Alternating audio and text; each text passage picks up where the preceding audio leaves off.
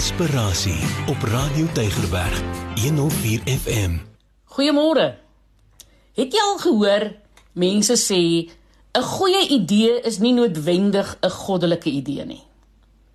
Ons lees in Josua 9 dat die volk Israel geseënd was. Hulle het grondgebied op grondgebied verower.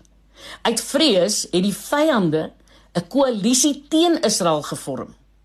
En hoe nader Israel aan die Hiwite beweeg het, hoe banger het hulle egter geraak. Hulle het 'n slinkse plan beraam deur verslete klere aan te trek en het gereis met ou kos op hulle pakdiere. En dan lieg hulle vir Josua en sy manne deur te maak asof hulle van 'n ver land kom en graag Josua se God wil dien. En dan sluit Josua 'n verbond met die Hiwite. Nou kyk. Verbond sluit is 'n ernstige saak.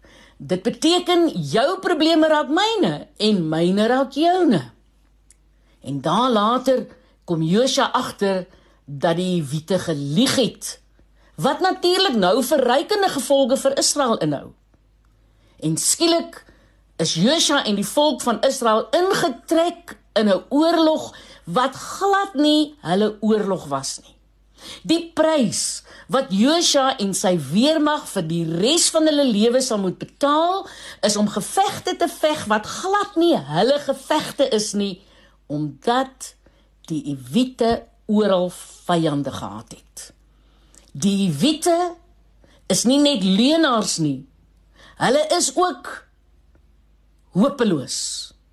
Hulle is net goed om houtkappers en waterdraers te wees. Josua 9 vers 14. Maar die mond van die Here het hulle nie geraadpleeg nie. Josua maak 'n intelligente logiese besluit onder druk sonder om God te raadpleeg. En dan word hy 3 dae later ontnigter. Ek wil vir jou vra, Hoe neem jy besluite?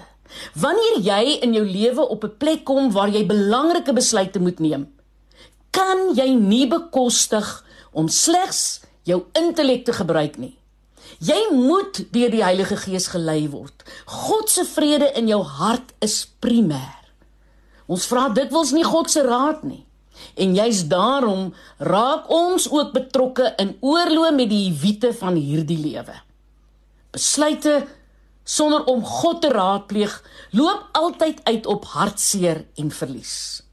Man, jy kan nie sommer net emosionele besluite neem en dan van God verwag om jou backup te wees nie. Die Israeliete het grondgebied gewen totdat hulle 'n geweldige fout gemaak het deur God nie te raadpleeg nie. Hulle was nie paraat nie man en hulle was nie bedagsaam nie. Jy Ja, jy moet God se raad vra in die keuse van vriendskappe, 'n lewensmaat, die skool of universiteit waarin jou kind moet gaan, 'n werksaanbod, 'n vennootskap en so meer. Wees versigtig vir die wiete van hierdie lewe. Ek is Lenet Beer vir inspirasie op Radio Tygerberg 104 FM.